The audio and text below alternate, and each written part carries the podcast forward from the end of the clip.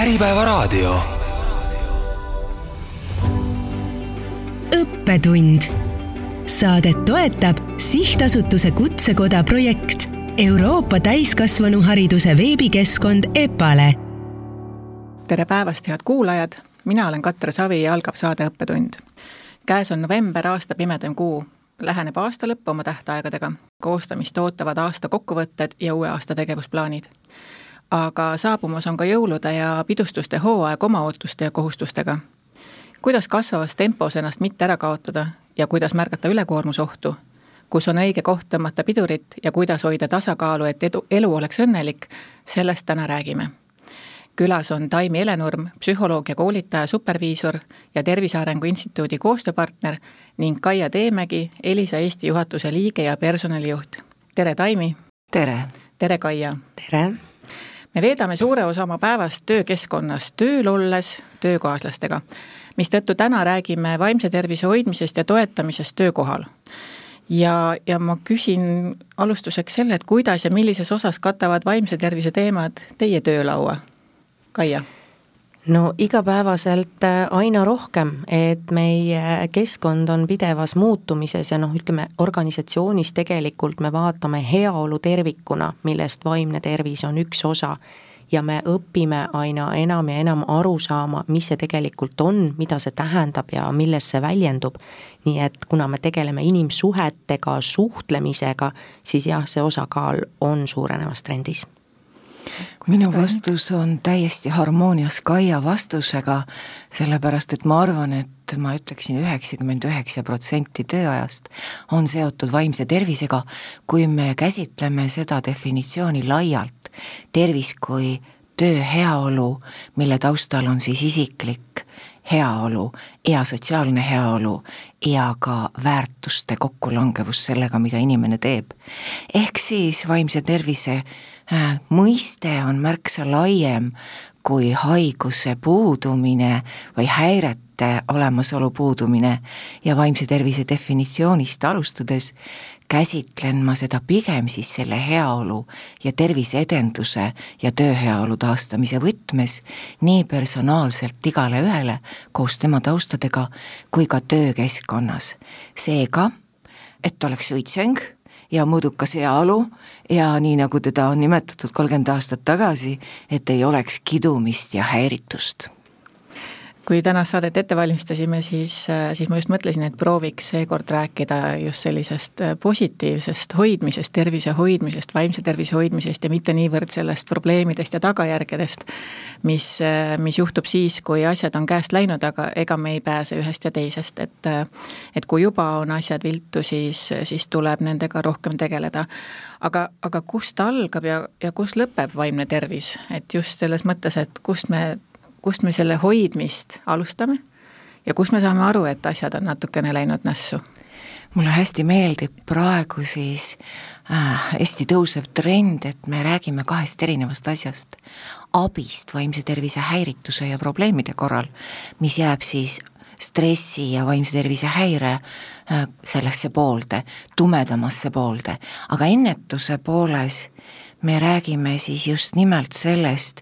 et probleemiks on risk, aga probleem ei ole välja arenenud. ja ennetuse poolel on eesmärgiks vähendada riski ja eetiline vastutus ka ühiskonnas muudatuste tegemise eest ning käitumuslikud ja sotsiaalsed sekkumise viisid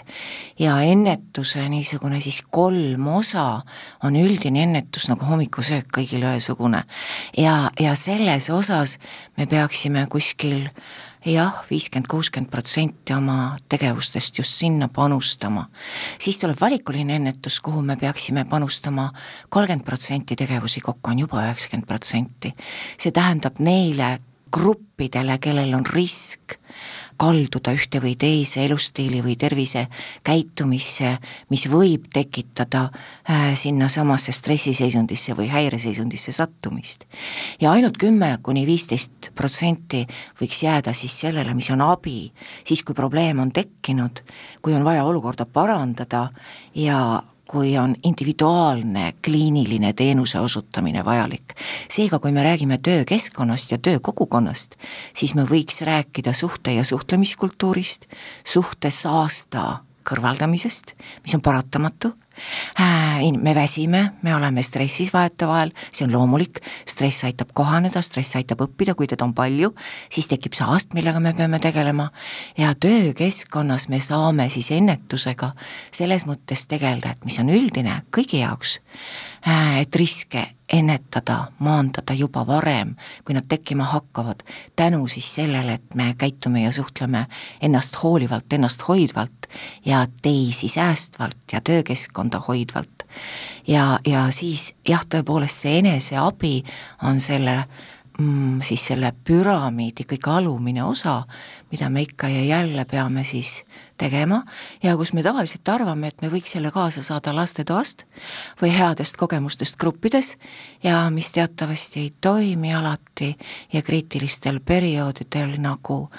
noh, ühiskonnas kriitilised muutused, pandeemia, sõda, majanduslangus, aga ka personaalsed traumad,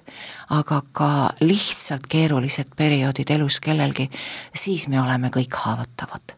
ja nendes haavatavuse perioodides on täitsa loomulik olla väsinud, kurnatud ja vahel emotsionaalselt, kuidas öelda mm,, jah, endast väljas natuke jäme, aga kuidas me sellega hakkama saame nii ise kui teiste toel, see on töökeskkonna küsimus. ja, ja töökeskkonnas äh no väga palju sõltub äh, kindlasti organisatsiooni kultuurist, aga mitte ainult, vaid ka sellest samast käitumuslikust poolest, juhtimisviisidest ja juhtide meisterlikkusest, et kuivõrd juhid oskavad erinevate inimestega suhelda nii, nagu need inimesed ise ootavad, kuivõrd nad oskavad märgata ja kuivõrd siis oma tiimi tööle panna ja ennetustegevuste koha pealt siis ka, et mida meie oleme nüüd ähm, nii-öelda eksperimenteerinud ja, ja piloteerinud, et üks oluline selline verstapost meie jaoks on aru saada, et kui palju suudab organisatsioon teha ise ja mis hetkel on vaja inimesed suunata pro-, professionaalide poole. me keegi ei ole professionaalsed psühholoogid töökeskkonnas ja sellest tuleb nagu aru saada, et äh, me ei tohi nagu minna ka sinnamaale, et milleks meil tegelikult puudub pädevus.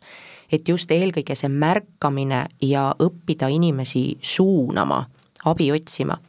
aga ennetustegevustest veel, et meie vaatame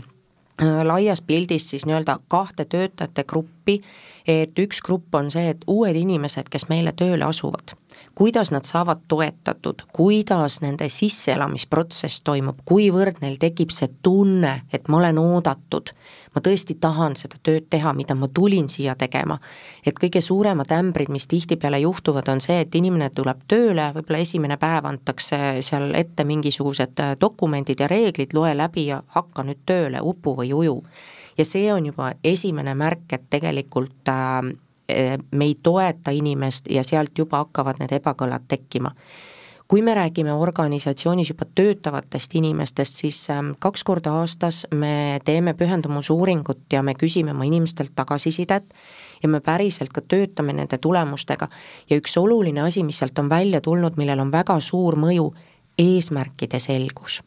Inimene tahab aru saada, mida ma siin organisatsioonis teen, mida minult oodatakse ja milline on minu panus siis vastuandmisel, ehk siis just see arusaam, et, et milleks ma siin olen. ja samamoodi see õpi- ja arengu toetamine, et ei tohi kunagi olla tabu see, et ma ei oska, ma ei saa aru, et inimene ei julge seda välja öelda, sest ta tunneb ennast rumalana. et õppiva organisatsiooni üks tunnusmärk ongi see, et ma julgen minna küsima abi,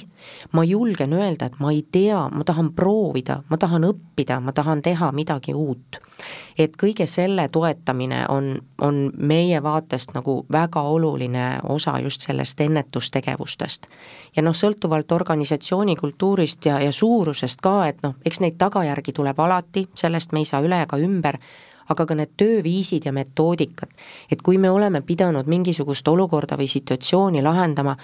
et mis me siis nagu pärast teeme, kui see olukord on lahendatud, kuidas me seda käsitleme, jällegi metoodikana meie kasutame retroid, me teeme olukorrale retro sõltuvalt siis sellest, kas inimest on võimalik ennast ka kaasata või mitte. kui meil järgmine kord tekib sarnane olukord, mida me siis teeme teisiti ja siis sealt veel edasi, mida me saaks teha selleks, et sarnast olukorda enam ei tekiks. et need on nagu sellised töömetoodilised viisid, mida, mida siis organisatsioonid saavad kasutada ja isegi peavad kasutama. Kaia, imeilus, ma kuulen siin niisugust väga äh, edasi arenenud organisatsiooni käsitlust, kus on olemas süsteem töötaja toetamisest, terviseedendusest. Ja kui ma nüüd panen sellele, selle, mida kirjeldasid, ennetuskaarele, siis ma kuulen siin kõigepealt valikulist ennetust ehk seda keskmist gruppi nendele töötajatele, kes on haavatavamad ja ohustatumad. Need on need, kes alles kohanevad organisatsiooniga. omalt poolt lisan, et see taaskohandamine, kes on taas tulijad tagasi, kas või näiteks peale lapsehooldust, puhkust või pikka haiguslehte, on valikulistele haavatavamatele gruppidele. nüüd ma kuulsin näidustatud ennetust nendele retrode näol, keda kas ise saab kaasata või ei saa ja keda on enamasti see kümme protsenti, see väike osa, kellele nii-öelda see gurmee või see väga kallis ja väga eriline äh, teenus, äh, personaalne teenus läheb. ja mis mulle eriti meeldis, oli siis see universaalne ja üldine ennetus ja kuulsin kolme osa, eesmärkides kokkuleppimine, eesmärkide mm, ja ühisosa leidmine, isiklikud arengueesmärgid, organisatsiooni arengueesmärgid, sest kaks asja, mida eriti noorem põlvkond, aga ka kõik alati tahavad, on areng, areng, see on isegi Statistikaameti uuringute järele rahast äh, eespool natuke. Ja, ja kolmandaks ka tähenduse loomine. ehk ma teen midagi, mis on oluline äh,, mida võib panustada. Ja kui ma nüüd lisan siit tööheaolu poolelt viis niisugust paari, millega võiks arvestada, kas mu töökoht on turvaline ja säilib ja, ja kas mul on sissetuleku jätkumine, kui äh, peaks olema mingid probleemid, kas ma tunnen ennast turvaliselt ilma solvamata, ahistamata ja see ongi juhtimiskvaliteedi küsimus ja võib-olla ka juhtide toetuse küsimus töötajatele, see on esimene paar. teine paar, kas ma saan tööl arendada oma võimeid, oskusi, mida ma olen õppinud ja kas ma saan neid edasi arendada selles suunas, kuhu organisatsioon areneb. kolmas paar on siit siis see, et igaüks väsib tööl. kas mul on võimalus oma väsimust ja argistressi niiviisi maha laadida pärast tööpäeva, et ma jaksan pingelisest tööpäevast välja puhata ja, ja kas ma lõpuks ka peale seda suudan tööle tagasi tulles enam-vähem normaalselt enda jaoks lahendada igapäevaelu tööpinged. ja neljas paar siit on siis see paar, et et äh, ma saan aru, et mu töö on tulemuslik, see tulemus on kellelegi kasulik ja, ja seda tulemust saab veel tõepoolest ka mm, laiendada sellele, et ma õpin midagi mitte ainult iseenda töö jaoks ja enda heaolu jaoks, vaid ka selle, vaid ka selle jaoks, et toetada neid, kes mulle on kõige lähedasemad, oma perekonda, oma sõpru, teatud mõttes siis eluoskuste toetamine läbi selle, et töökeskkond mind toetab nüüd ähm, väga, väga mõnus äh, vestlus on, kus on praktika ja teooria jookseb niimoodi paralleelselt. Äh, aga nende kõikide tasemete juures, võib-olla sealt, kust Kaia alustas, et äh, kui inimene juba tööle tuleb, ta tuleb ootustega, ta tahab olla väga hea, ta tahab saada hakkama ja needsamad kõikides nendes etappides inimesel on ka endal kogu aeg see vajadus olla, olla tubli, olla edukas, võib-olla meil üldse on natuke rohkem niisugune edukultus, et kuidas see ootuste juhtimine selliselt käib, et see inimene iseennast juba ette läbi ei kõrveta.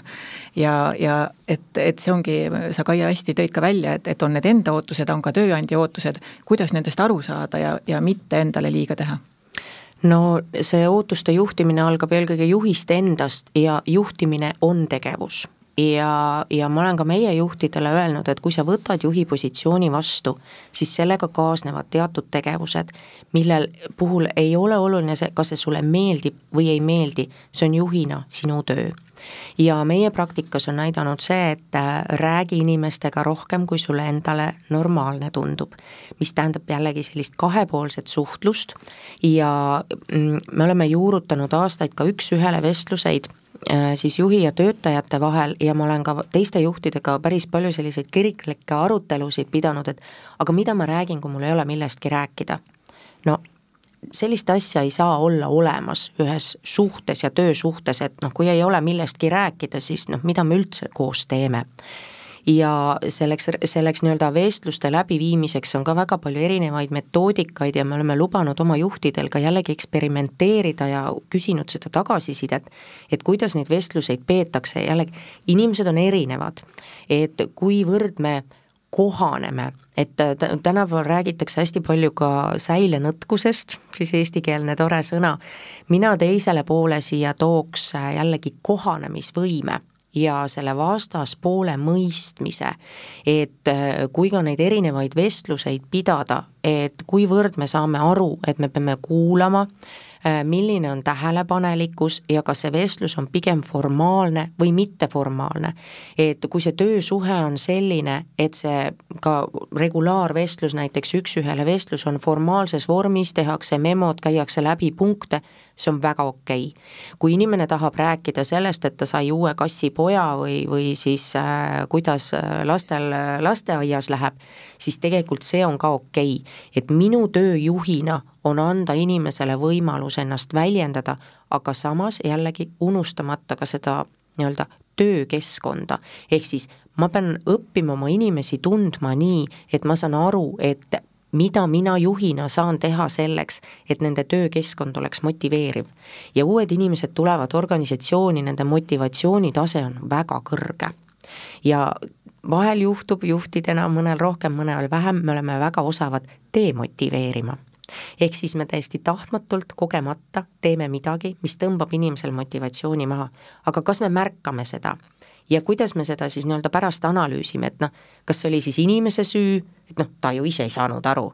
või siis peab minema juht peeglisse vaatama. Ja see, mida on tihtipeale juhtidel väga raske teha, on seista peegli ees, vaadata, mida mina saan teisiti teha selleks, et minu inimesed mulle tooksid maksimaalse tulemuse ja oleksid ka rõõmsad ja efektiivsed Kaia, ma omalt poolt lisan ühe praktilise soovituse Mainori kooli, Eesti Ettevõtluskõrgkooli Mainor tudengitelt, kes ütlesid, et juht peaks olema eeskuju, kes ütleb, et kuidas taastuda ja puhata teine, mida nad soovitasid juhtimiskvaliteedi osas, on tõesti kõigepealt iseenese märkamine, sest mõned väga kohusetundlikud juhid tõepoolest ka koormavad oma meeskonna üle. ja kolmas tarkus, mis ma neilt kaasa võtsin, on siis see,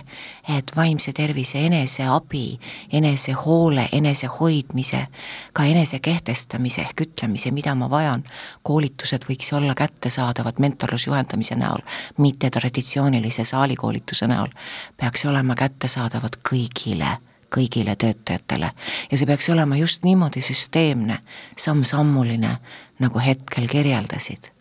aga omalt poolt lisan, et mida töö Äh,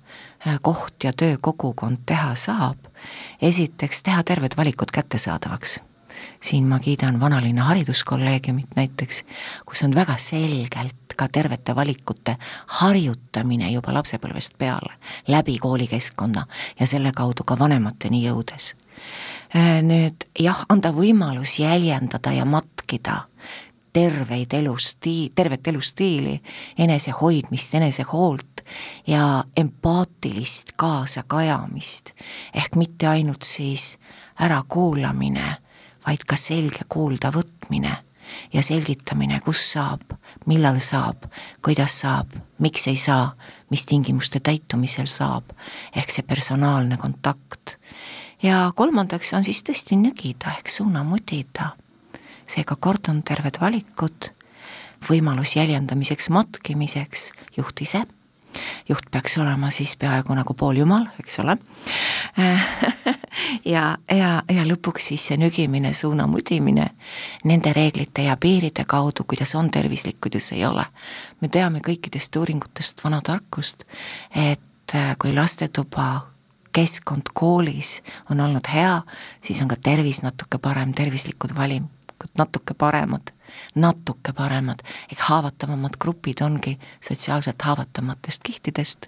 lisaks siis sellele, et on olnud taustatraumad või, või mingid probleemid elus. Äh, seega töökoht saab teha väga palju ennetuseks me räägime ka niisuguse tööelu ja, ja, ja muu elu tasakaalust. Elisa Eesti on katsetanud nelja nädala, päevast töönädalat. kas, ähm, kas selline siis mittekoormamine viie tööpäevaga inimest, kas see annab ka mingisuguseid eeliseid vaimse tervise poolele? ja ikka, ja meie oleme nagu võtnud ka seis-, selle seisukoha, et me ei juuruta seda neljapäevast töönädalat äh, mitte nii-öelda aastaringselt, sellepärast et äh, ma ikkagi arvan, et äh, see permanentne nagu tööaja kokkusurumine pikas perspektiivis ei tööta. et jällegi me oleme tuginenud meie endi inimeste tagasisidele, et mis periood see on, kui nad suudavad töötada ühelt poolt nagu intensiivsemalt, aga samas kompensatsiooniks saada rohkem puhkeaega ja suveperiood kahtlemata on see, et mis juba koostöömudelite poolest näitab seda, et kui osad inimesed äh, puhkavad, meil mõned tiimid lausa nii-öelda kollektiivselt puhkavad, ehk siis ei toodeta üksteisele nii palju tööd ette, kui nii-öelda tavapärases olukorras, see annab parema võimaluse muid tööülesandeid kokku suruda. ja nüüd me teist aastat järjest piloteerime ka talveperioodi, ehk siis inimesed ise soovisid, et ka jaanuarikuu oleks siis nelja tööpäevaga nii-öelda töökuu.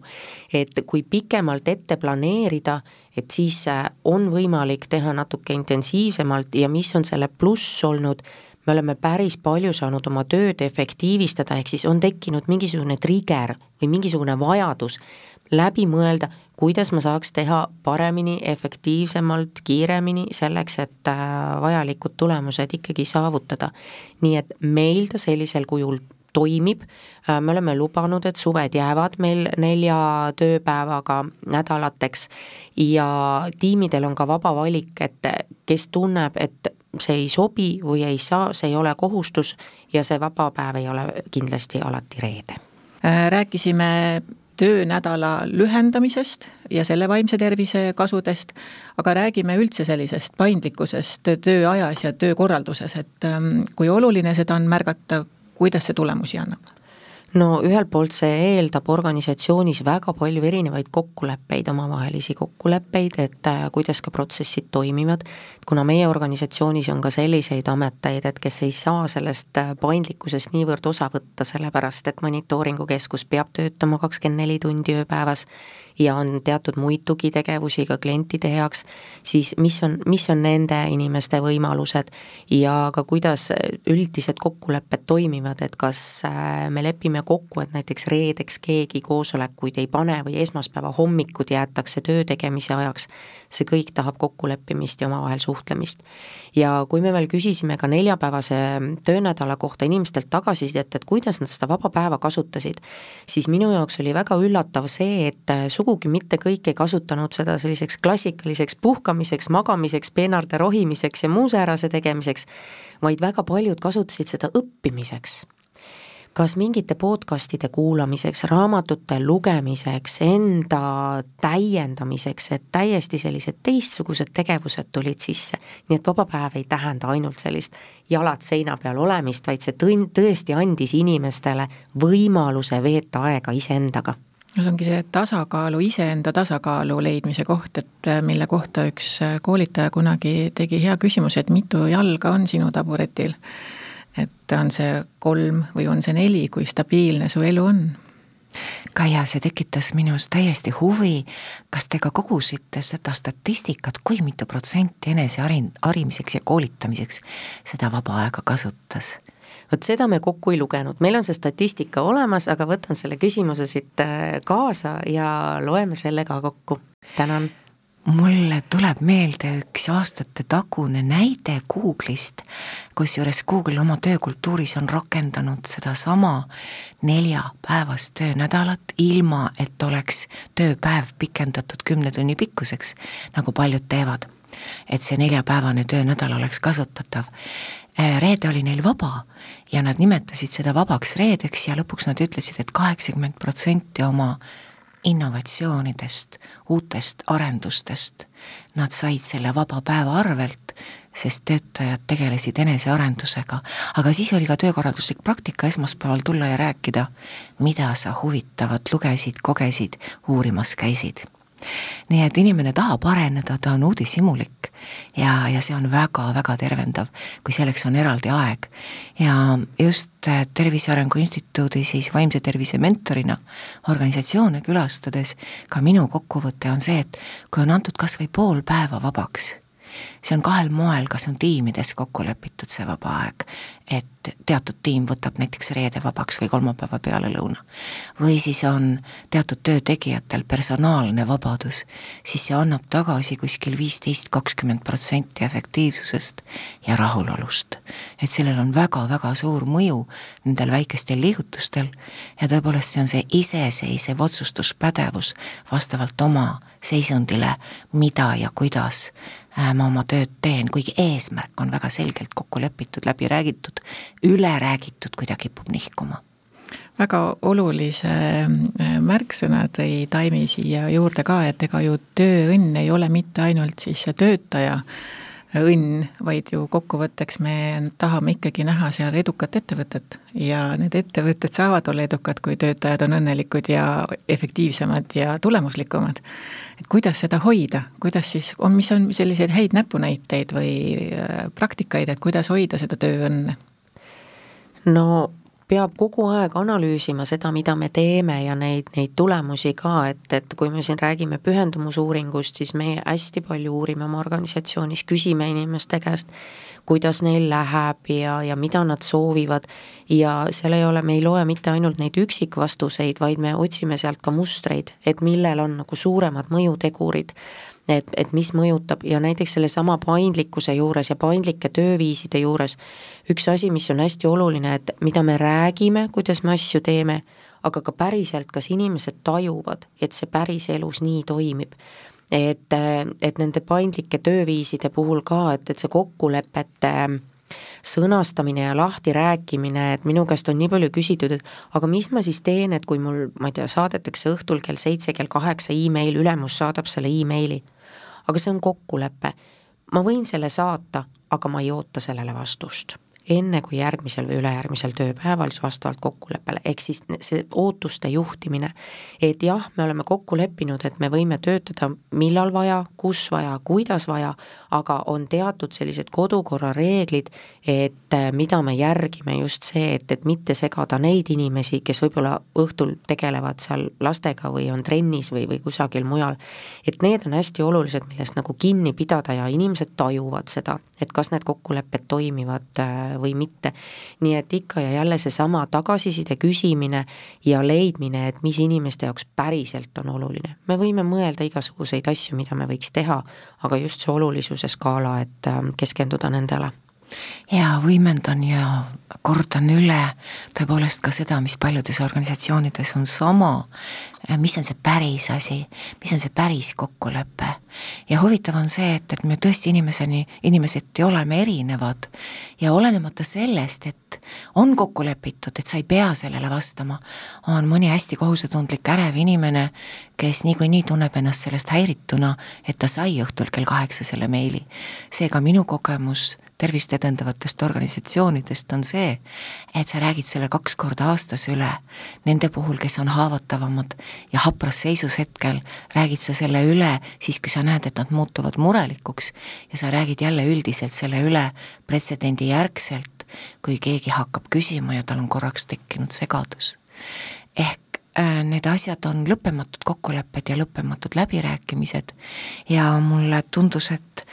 kui ma jaotaksin organisatsioone kolmeks, kes selle vana nimetuse järele siis psühhosotsiaalsete ohuteguritega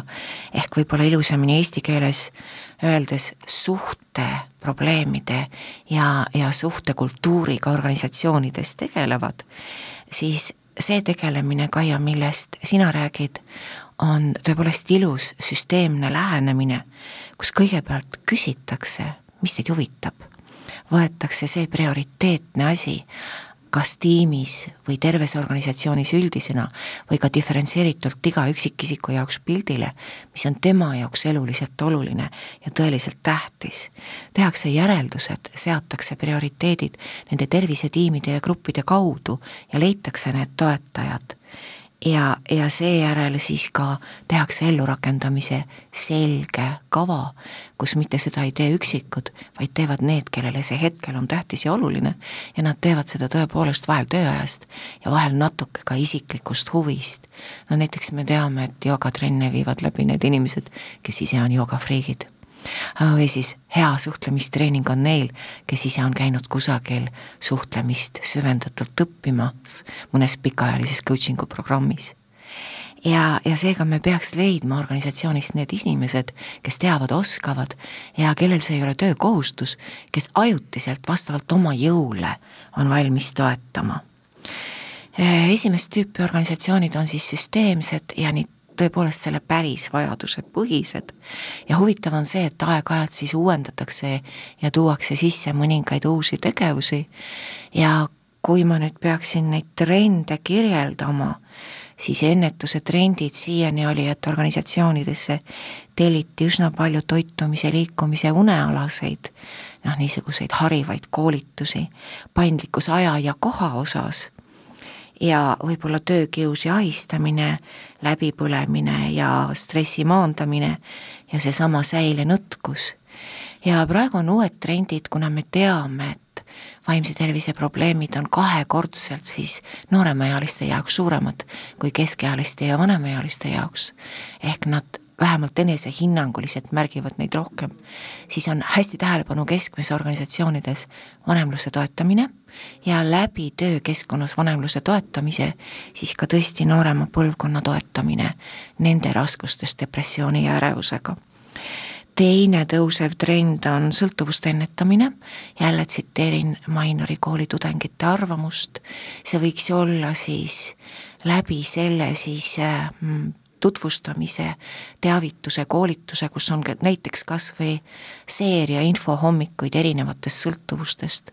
alustades arvutisõltuvusest, ma ei tea, kas või kampades käimise sõltuvusest ehk sõbra sõltuvusest, ei saa ühtki hetke ilma teiseta, või üksindusest, mis on ka sõltuvus, kus eh, jah, teatud mõttes ma ei julge minna teiste hulka ja minnes siis juba tõepoolest nende sõltuvusteni, mis on seotud uimastite ja, ja alkoholiga.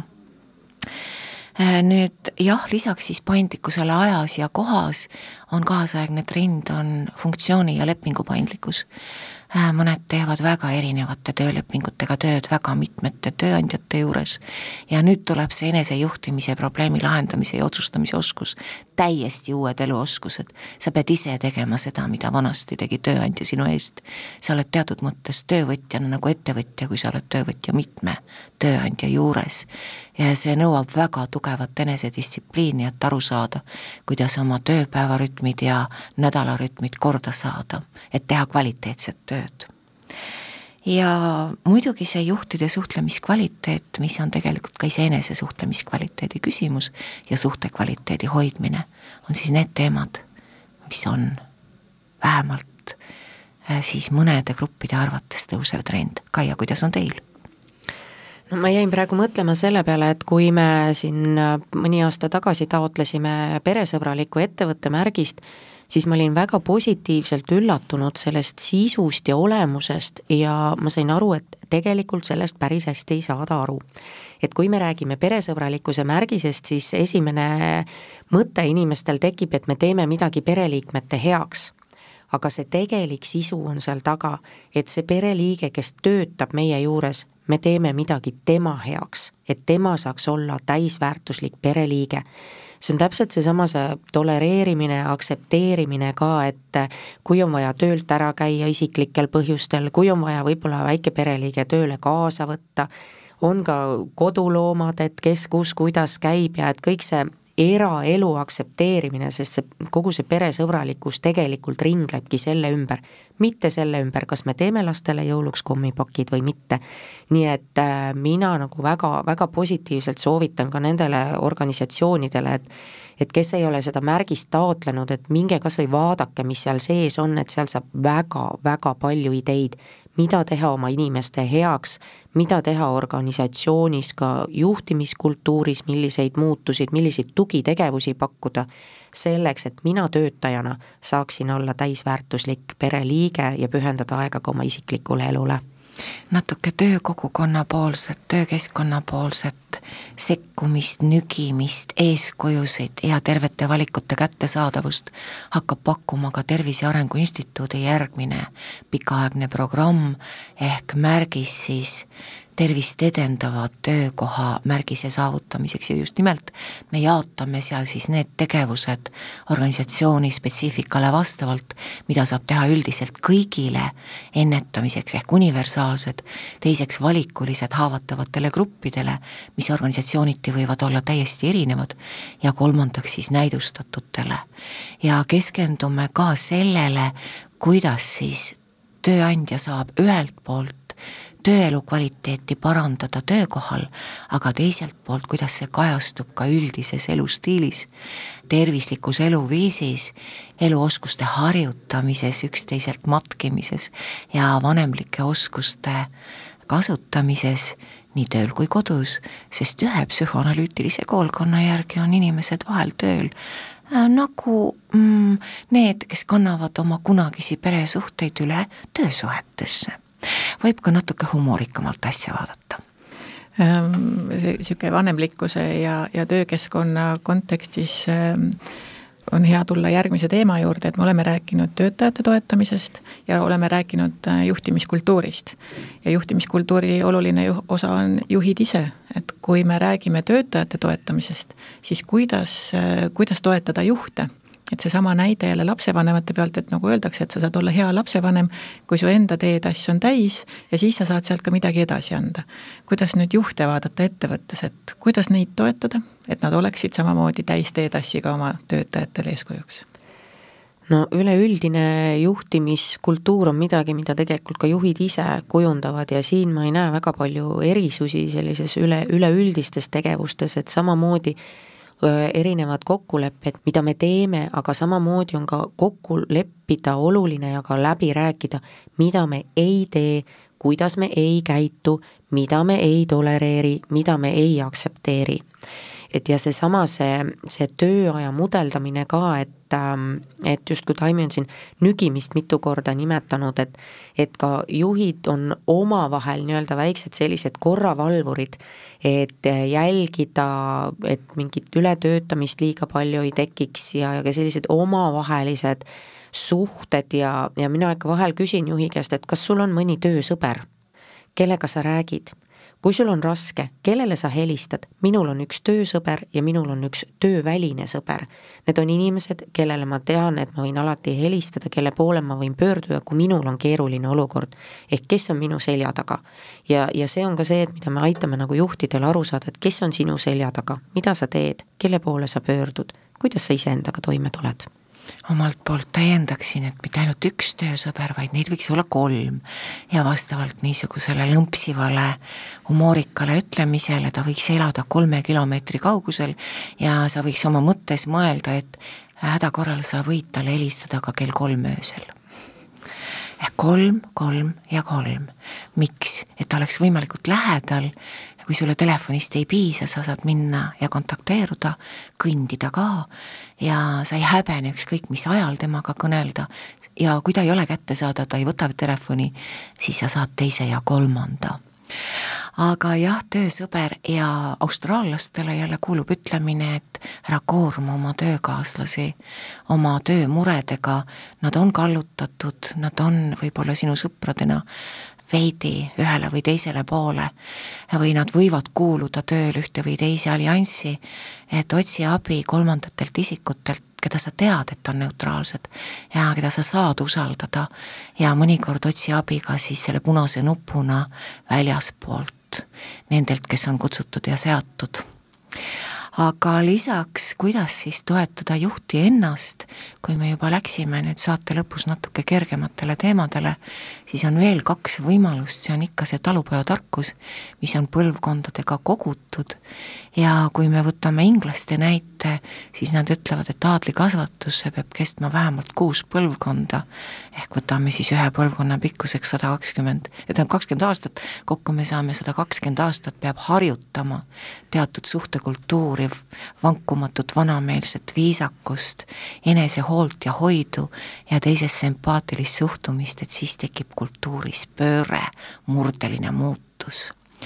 ma olen natuke optimistlikum, me teame, et kõik on praegu kiirenduses ja ma arvan, et äh, seda õnnestub teha keskmiselt kahe-kolme-viie aastaga, tervet organisatsiooni kultuuri pöörata, kui meeskond tahab ja kui on tõepoolest sellised taustategurid toetamiseks taga, nagu Kaia rääkisid oma organisatsiooni näitel.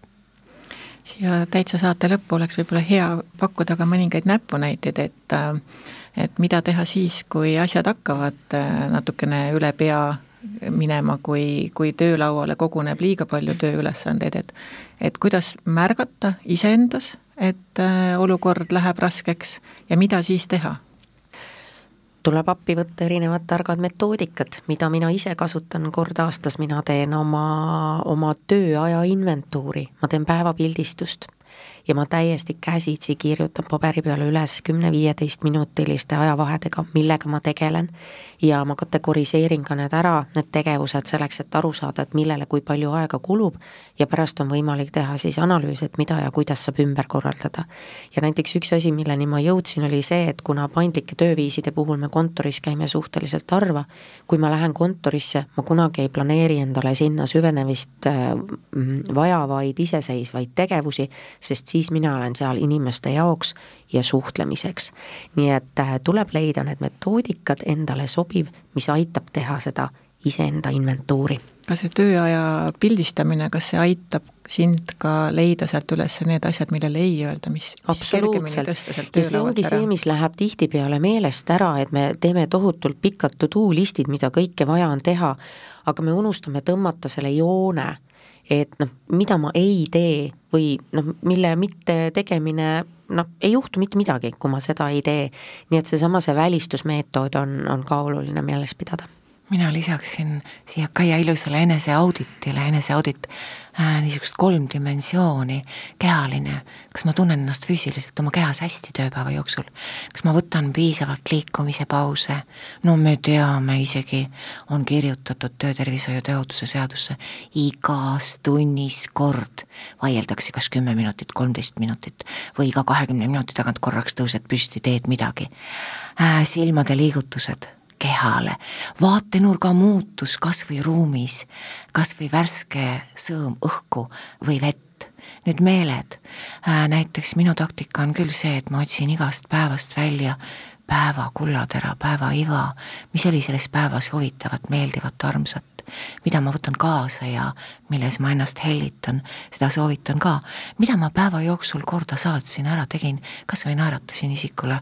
keda ma muidu ei märka, sest ma olen hajameelne. ja kõnnin mööda koridori, et oma mõtted on peas, aga täna märkasin. Äh, võib-olla niisugused pisikesed, väikesed rõõmud.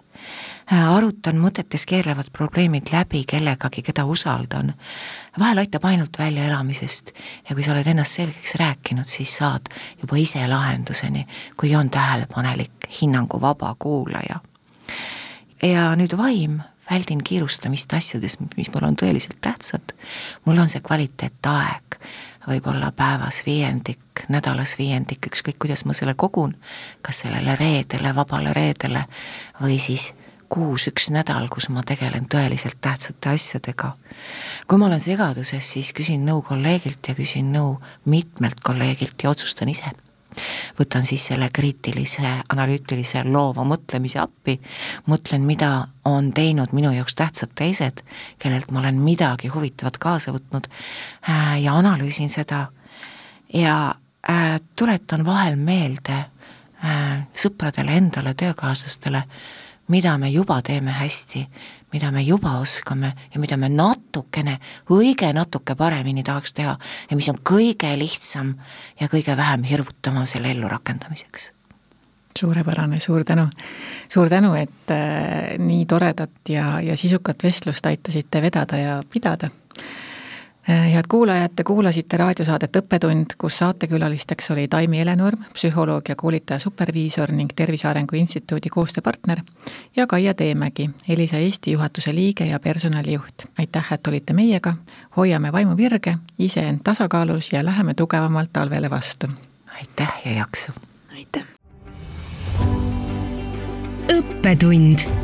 Saadet toetab sihtasutuse Kutsekoda projekt Euroopa täiskasvanuhariduse veebikeskkond EPALE. projekti kaasrahastab Euroopa Liit Erasmus pluss programmi raames